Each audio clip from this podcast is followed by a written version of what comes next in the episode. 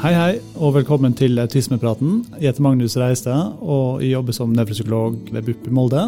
Med meg så har jeg en person som er autist sjøl, og har jobba mye med formidling og opplæring om autisme. Jeg heter Marie Gjengstø, og denne podkasten skal handle om autisme fra to forskjellige perspektiv. Det er jeg som har autisme sjøl, og så er det en Magnus som er utreder i spesialisthelsetjenesten.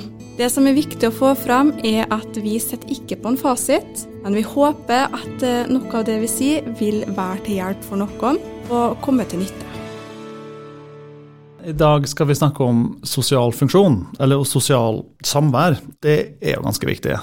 Det er det. Og det er jo noe vi alle mennesker har behov for, men kanskje ikke vet eh, helt hvordan vi skal gjøre det, eksempel. Vi snakka før om at en det er en av mytene kanskje med autisme. Det er liksom at nei, det har lite sosialt behov. en er mye alene. Derfor så trenger det ikke være sammen med andre. Sånn er det jo ikke alltid. Jeg tenker jo at alle mennesker har et sosialt behov. Det er jo varierende, selvsagt. Eller veldig ofte så kan det være den som har autisme, som er lite sammen med andre, men det er fordi at den ikke får det til fremfor at de ikke vil. Og det tenker jeg er viktig å avklare, at noen trives jo med å være alene sosialt og på en måte syns det er greit å ikke være med andre, mens så har du dem som på en måte ønsker å være sosial, men ikke vet hvordan, da. Sjøl så jeg har alltid ønska vært sosial, og har hatt varierende med venner opp gjennom oppveksten. Veldig ofte når jeg hadde venner når jeg var barn, så var det gjennom venner til mamma og pappa, deres sine barn. Så det var på en måte veldig strukturert. Og så var det gjennom mine fritidsaktiviteter. Ja, Som igjen er veldig strukturert. Ja, og når vi snakker om verdien av venner, også det å ha en venn, det er jo veldig viktig. Og det å på en måte ikke stå alene i ting, ja, det... det å kunne ha noen å dele både sorger og gleder med, og det å forstå et vennskap, det å kunne krangle, og det å kunne bli enig igjen, det er jo òg en læring i det. Det er en trygghet, er det, tenker jeg, altså, som ligger i bunnen der. Og en, som du sier, det å dele både glede og sorger, men også en trygghet med at du ikke er alene. At du kan ha noen å snakke med hvis det er noe som skjer. Og det ligger liksom, liksom på cellenivå, tenker jeg. Altså, vi er sosiale organismer, i utgangspunktet mennesker. Det er vi. Så verdien, tenker jeg, er udiskutabel og veldig, veldig høy. Absolutt. Så gjelder det liksom bare å få det til, da. Jeg husker jo når jeg var barn og ungdom og alt det der, at eh, det var sånn standard at jentene liksom skulle gå to og to på do, og de skulle være så mye sammen på alt. Det var ingen som kunne gjøre noe alene. Jeg husker at jeg skjønte ikke noe av det. Men jeg har jo skjønt i voksen alder at det er veldig kjekt, og at det er på en måte noe som man gjør, at man har med seg f.eks. når det skal skje noe, at det er greit å være to. og men eh, det tok lang tid før jeg skjønte på en måte hvorfor jentene gjorde det, og hvorfor på en måte det var en greie. da. Jeg har aldri på en måte hatt det behovet. Men eh, jeg har jo alltid hatt lyst på venner og sånn. Gjennom oppveksten så har jeg hatt veldig sånn sporadiske og på en måte rullert litt, da. Både på barneskolen så rullerte jeg litt mellom folk, og hadde jo mest venner gjennom fritidsaktiviteter og gjennom mamma og pappa sine venner som hadde barn. På ungdomsskolen så rullerte jeg òg på en måte for å prøve å finne min plass, da. Det var vel først på videregående at eh, jeg klarte å få det veldig sosialt på skolen. og Fikk eh, på en måte venner som jeg var med fast da, på mm. skolen. Mm. Ja, der, der, det traff, liksom. For jeg, jeg tenker litt liksom der, Du kan ha flaks på en måte og treffe noen som resonnerer med det, som kjemien er rett, som jeg sier tidligere. Men det kan også ta tid. For noen er jo sånn at du kan på en måte møte dem etter å ikke snakka med dem over veldig lang tid, mange år kanskje. Og så kan du plukke opp praten sånn som det her. Altså, det er jo det du kaller et voksent vennskap. Ja. Altså, det er jo sånn som nå når jeg er voksen og har For jeg kan jo si det at jeg måtte bli voksen for å få på en måte ordentlig vennskap ja. og på en måte vennskap som varer. Nå har jeg en veldig bra, fin vennegjeng og gode venninner, og har jo jobba for å få det, og for å på en måte forstått konseptet vennskap og hvordan man får det, og verdien av det. Og det er jo sånn det er når du er voksen, så snakker man ikke sammen hver dag. Det er ikke sånn som når man er ungdom, så snakker man kanskje sammen hver time på Snapchat, eller man snakker hver dag. Sånn er det jo ikke når man er voksen. Da er det jo litt sånn som du sier, at man tar opp praten igjen, da. Når du er mindre eller yngre, mer konkret og mer strukturert, altså sånn da er det ofte at du har aktiviteter som du går på, f.eks. fotball eller spille i eh, korps eller eh, sånne ting. Eller at, som du sier, familievenner, som da blir liksom ramma inn at nå kommer de på besøk, og de har jo med seg en søskenbarn eller en eller annen venn på din alder, så da ja. er du sammen med den. Og da var det jo automatisk at det, det var ikke noe snakk om at man ikke skulle gjøre noe annet da, da skulle man jo leke med den som kom, og da måtte du jo gjøre det. Og jeg var jo veldig sånn glad i å leke ting som var ekte. Jeg var ikke så glad i å late som. Det var veldig viktig at det var på en måte litt sånn ekte lek. da. Men det var jo veldig sånn som du sier, at eh, når eh, vennene til mamma og pappa kom, og de hadde med seg barn, så var det mitt ansvar å leke med dem og ta dem med og finne på noe. ikke sant? Ja, og, og, sånn det var jo veldig... Sånn var det. Sånn er det som barn. Og det, altså, på en måte da, Hvis du møter noen nye, så kan du også gå bort til dem. Skal vi være venner? Ja. Liksom ok, da er vi venner. Supert. Mens i voksen alder så er det jo litt annerledes. Det er mye mindre konkret. Da er det sånn vanskelig å vite kanskje hvor stor grad, hvor nært er vennskapet, og hvor ofte skal møtes, hvordan skal man på en måte forholde seg til det her.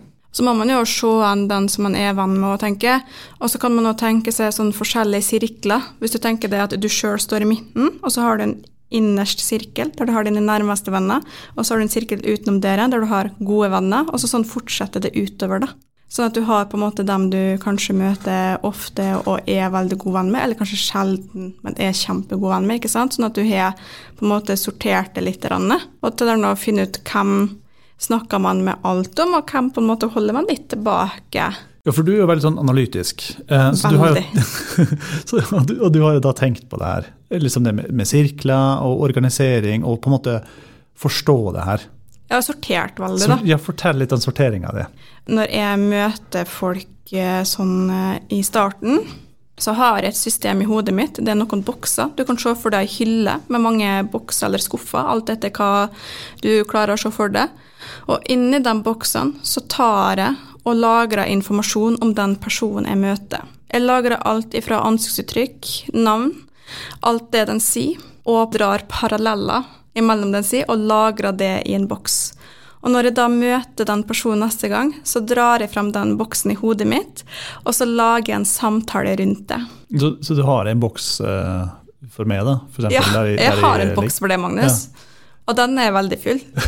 Nei da. Jeg har en boks for det, jeg har en boks for alle i møtet. Du kan, ja. du kan egentlig si det sånn at uh, jeg har holdt foredrag for uh, ja, godt over 100 stykker, og har på en måte lagra alle dem jeg har holdt foredrag med, dem jeg har hatt oppdrag med, dem jeg møter ellers i hverdagen. De er på en måte lagra i forskjellige bokser. Når jeg møter dem, så drar jeg frem de boksene. Så det er jo mange hundre bokser i hodet mitt som jeg bare drar frem når jeg møter dem. Da. Jeg har liksom en stor boks i bare en slags roteskuff. Sånn Der alt ligger oppi. oppi. Og så er det litt tilfeldig hva som kommer Fascinerende. ut. Ja, det, det, det syns jeg ja, det kan by på både overraskelser og eh, morsomheter, og av og til ikke alltid at det er like artig. For å dra frem ting som kanskje er feil. Men det, det var litt den sånn jeg måtte lære meg for når jeg ble sånn sosial i voksen alder. Nettopp, så, ja, for det er jo en grunn til at du har det sånn. Ja, og det er jo fordi at jeg skulle kunne klare å føre en samtale. Fordi at før jeg møter en person, når jeg ser at den personen går mot meg, eller jeg går mot den personen og vet at jeg skal ha en samtale, allerede da så begynner jeg i hodet mitt å lage et manus på det jeg skal si til den personen. Så jeg har allerede tenkt ut hva jeg skal si.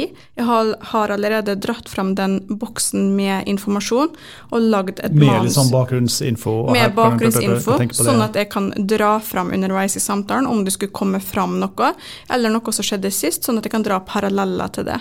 Så det er jo en sånn stort puslespill. Ja, men det, i hodet mitt så skjer det automatisk. Men jeg skjønner at det er kanskje ikke normalt hos ja, alle. Men det skjedde ikke automatisk til å begynne med, kanskje? Eller er det noe du har tenkt på det, eller har det skjedd automatisk hele tida? For det kan hende at du beskriver noe som veldig mange gjør, på en måte men at du klarer å sette ord på det?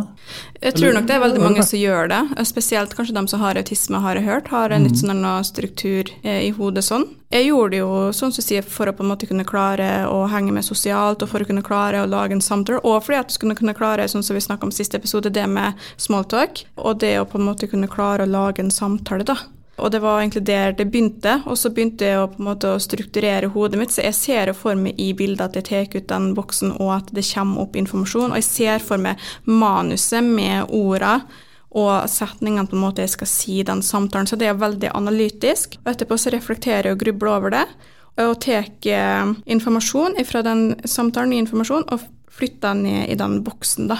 Ja, og det, jeg tenker det er et godt eksempel på hvor kostnadskrevende selv en liten ting er, da, ikke sant? når du må gjøre det bevisst. Fremfor at du kan tygge en tyggis og tenke på at den smaker godt, og så plutselig møter du en person, og så kan du prate med den personen. Gjennom åra så er det jo blitt eh, mer automatikk. Sånn som ja. nå så går det på automatikk. Det, jeg syns ikke det er slitsomt. Men også i starten, når jeg på en måte i voksen alder begynte å gå på sosiale tilsetninger, eksempel, og gjorde mer sosialt, så var det jo som å springe maraton. Ja.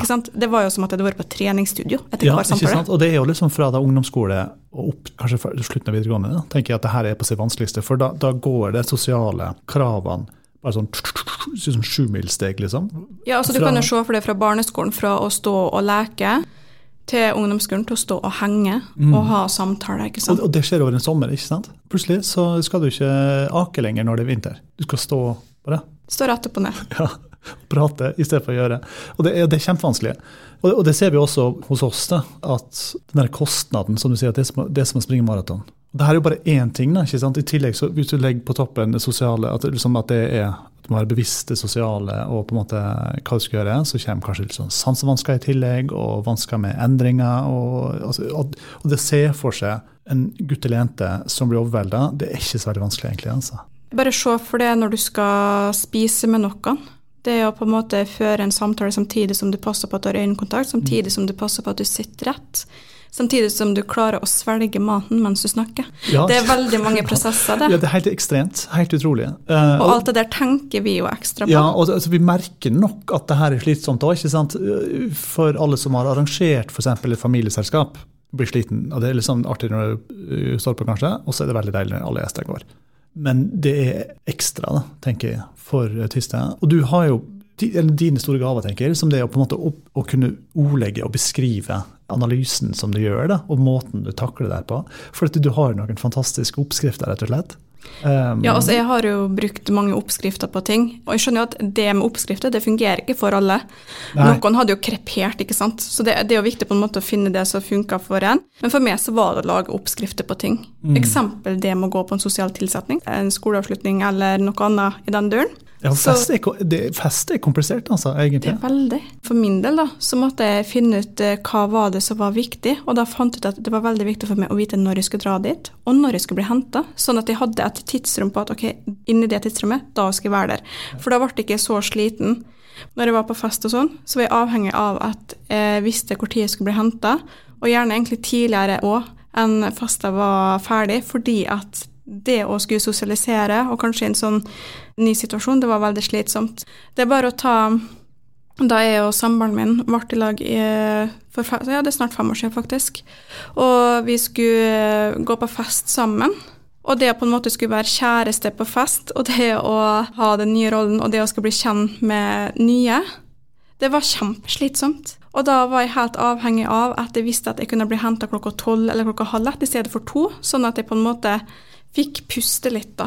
Men da har du en ramme, da? En trygghet, ja. egentlig? Og det har vært veldig viktig for meg egentlig helt siden jeg begynte å gå på sosial tilsetning slash fest, at jeg på en mm. måte har hatt ei ramme i rundt. da. Har gjerne sett på hvem er det som kommer dit, er det noen jeg kan dra sammen med? sånn at Det er mye kjekkere å komme to i stedet for å bare komme én. Også på en måte det å ikke komme seint inn på festen, når festen er godt i gang, liksom, og så kommer du, og så har det kanskje folk kommet litt i stemning, og at du kommer, da må du jobbe det inn litt, da, tenker jeg. Og så må du kanskje flytte litt rundt, da. Eller finner du et sted, og så sitter du der? Eller flytter du rundt, eller er du bevisst rundt, eller ser du bare hva som skjer? Når jeg er på fest, så sitter jeg vel mest kanskje Jeg prøver egentlig å flytte meg litt rundt, men det blir til liksom at jeg sitter for å kunne klare å konsentrere meg på en og en samtale. Nå er det veldig sånn at nå går det jo som sagt mye med meg går med automatikk. Men jeg har jo fortsatt det at jeg må konsentrere meg i samtaler, og når jeg er på fest og sånn, da er det jo mye bråk rundt, ikke sant. Mm. Det å høre hva den andre sier, bli sliten av ting rundt.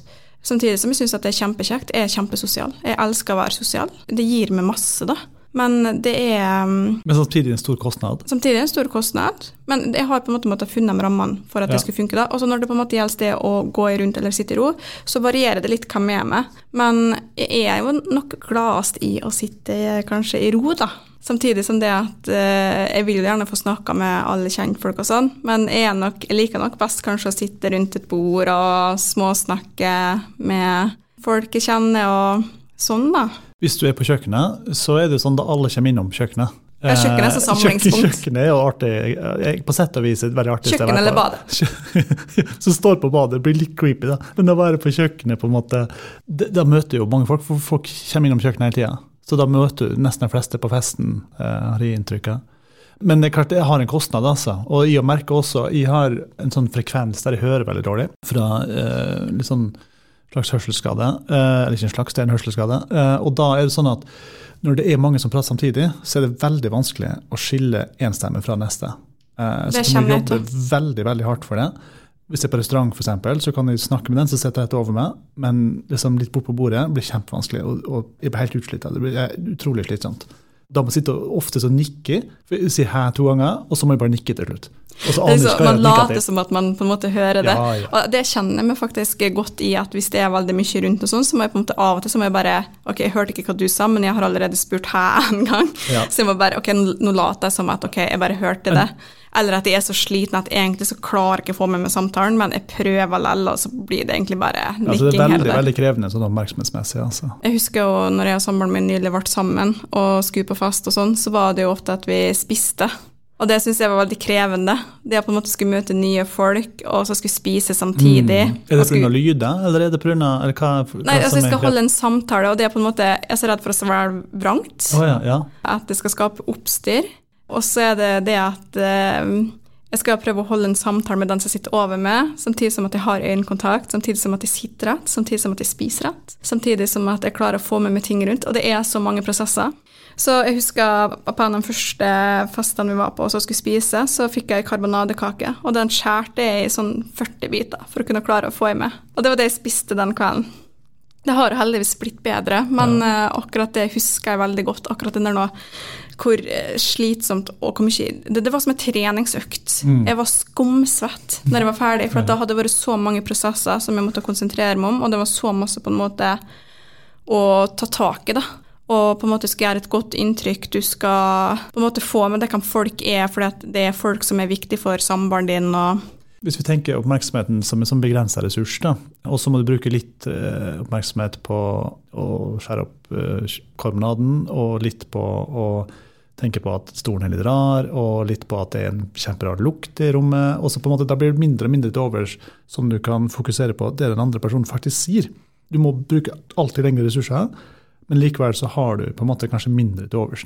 Første halvåret, eller første året egentlig, jeg og samboeren min var sammen og var på fest og sånn, det var treningsøkt hver gang. For det å sette sin, altså Man har en rolle på fest, enten er man venninne, eller man kommer sjøl, eller man er kjæreste til noen. Og jeg var jo vant til å bare være meg sjøl.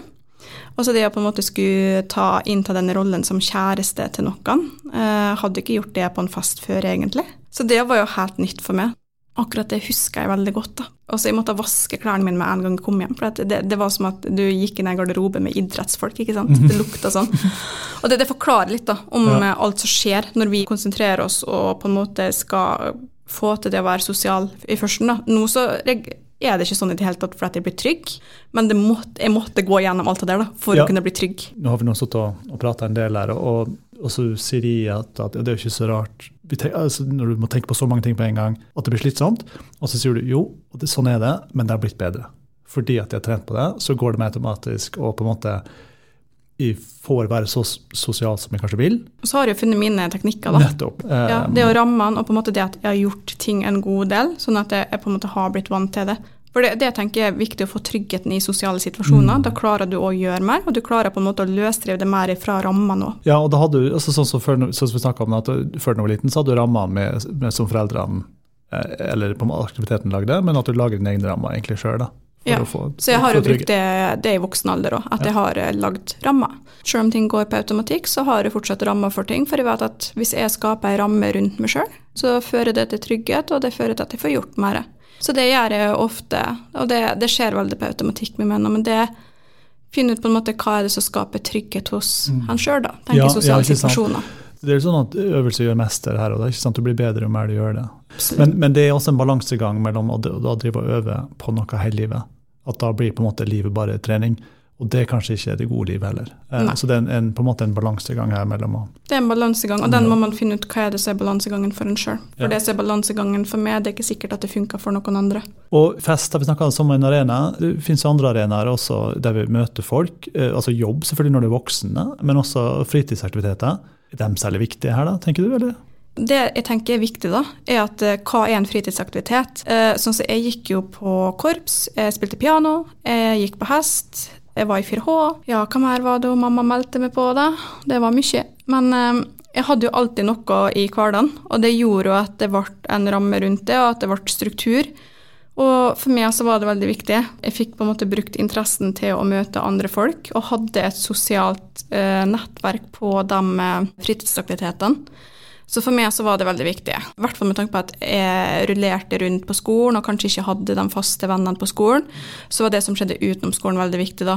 Så det var veldig glad for at selv om det var mye en stund, at mamma på en måte meldte meg på alt, og at uh, jeg var med på det meste da. Ja, og det er selvfølgelig en balansegang. Jeg tenker liksom det å ha en allsidighet gjør jo at du lærer jo ganske mye av det, ikke sant? som du da kan bruke som sosiale emner og ferdigheter, ting du snakker om når du møter andre. ikke sant? Så hvis du ikke har så mange knagger, så, eller mange ting du har opplevd sjøl, så er det jo vanskeligere eh, å gjøre det.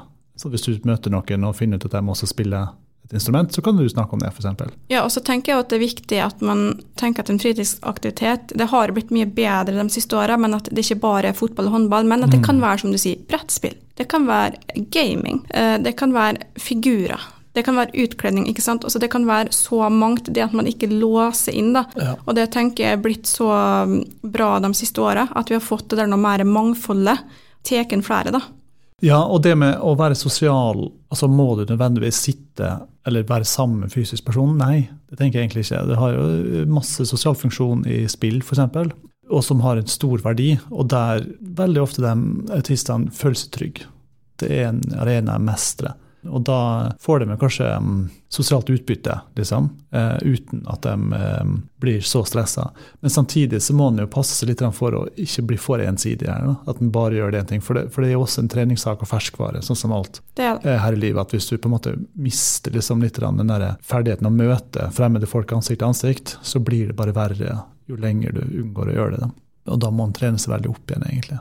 Konklusjonen er nok det at uh, man bør finne det som passer for en sjøl, og på en måte ja. åpne opp at det fins mer enn det kanskje byen din kan tilby til ja. deg sjøl eller til barnet ditt. da. Og på en måte tenke også, som du sier, ut, litt utenfor boksen. altså sånn som, For vi, altså vi er foreldregenerasjonen. Jeg eh, spilte litt data, liksom, men det var, var ikke å kunne chatte og være sosial gjennom spillet med noen som satt i Brasil eller Italia. Så det er jo en helt annen verden nå, egentlig. Eh, og det må en jo akseptere som på en måte voksen og sånn analog forelder. Da. Og det er jo på godt og vondt, tenker jeg. Eh, det der. Men en annen ting også. altså Du har jo snakka om kjæreste, og det er jo sånn som eh, veldig mange får, de fleste, i løpet av et liv.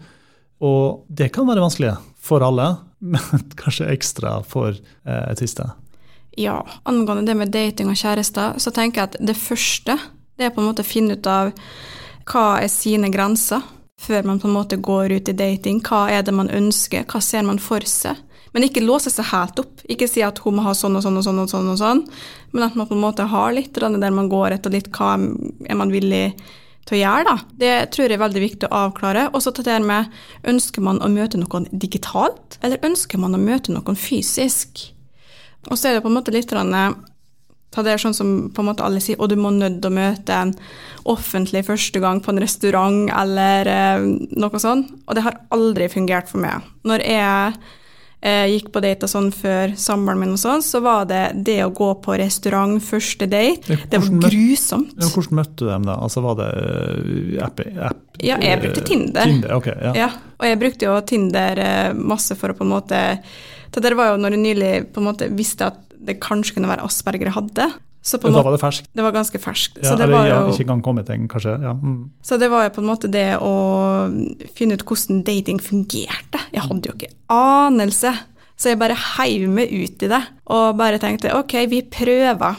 Og jeg syns det var ganske artig da, å på en måte lære med sosiale ferdigheter, med å spise middag med andre. Og jeg fant jo at restaurant, sånn som du snakker om, det er det verste. For det er bråker rundt. Og det å finne plass der det er rolig. Det er lys, det er lukter. Og det er masse inntrykk. Så jeg fant ut at det å møte noen offentlig for meg, det fungerte ikke.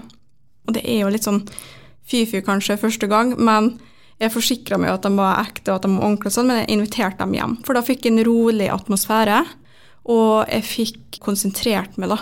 Så jeg måtte finne liksom, hva var det som fungerte for meg. da. Det som kanskje mine venninner gjorde når de data, det fungerte ikke for meg. Jeg måtte gjøre det på, på en måte på min måte. Og så var det jo veldig sånn at uh, jeg var jo veldig til å buse ut med ting og fortalte ting, og hadde jo ikke helt det filteret da, før jeg hadde diagnoser, før jeg skjønte at det var asperger jeg hadde. Så det var jo en læringsprosess, det å på en måte hva skal man si, hva skal man ikke si. Så jeg tenker at det er viktig når det gjelder dating, at man finner det som funker for en sjøl. Og på en måte ønsker man å bruke Tinder, eller ønsker man å møte fysisk? Og på en måte hva funker som møteplass fysisk, da. Ja, ikke sant. Og det tenker jeg er viktig altså, å tenke litt over den kostnaden med å være på en restaurant, f.eks. Selv om det er som prototypisk, vi skal ha en uh, date, så må vi på restaurant. Men det går an å, å ta en tur på fjellet, f.eks trene på helsestudio sammen. Altså hva som helst. ikke sant? Det, kan, det, kan, det trenger ikke å være et restaurant uh, sånn som du ser på en Disney-film liksom, med spagetti og kjøttboller. Det, det, er mange veier Man finne sin egen, egen ting, da, egentlig. Det er akkurat det. Og så prøve ut hva som funker for en sjøl, og på en måte finne ut litt hva man ønsker, da. Har du noen tips om hvordan du spør folk på en date? da? Jeg tenker at det er liksom vi snakker om, altså på en måte spørre litt rett ut. Ja. Ikke drive og innpakke det så veldig. Kanskje finne ut hva er interessen, liker han veldig godt å gå tur, gå litt den veien, da. Ja. Kanskje vi skal gå en fjelltur sammen? For Eksempel, ja, men det, det, å tørre å ta initiativ, det å ikke alltid vente på at den andre gjør det, men det å tørre ja. å ta det initiativet og være litt frampå.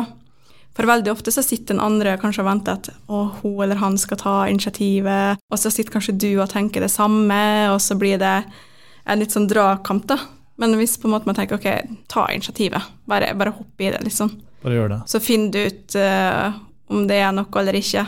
Det, det, er ikke farlig. Som regel så er det ikke det. En angrer veldig ofte mer på ting en ikke har gjort, enn ting jeg har gjort. er min erfaring her i livet. Ja, så Da har vi snakka litt om sosial funksjon, eller sosial verdien av sosialisering, egentlig. Og da neste gang så skal vi snakke om fleksibilitet, tvang og rigiditet. Det blir veldig spennende. Mm. Takk for i dag. Takk.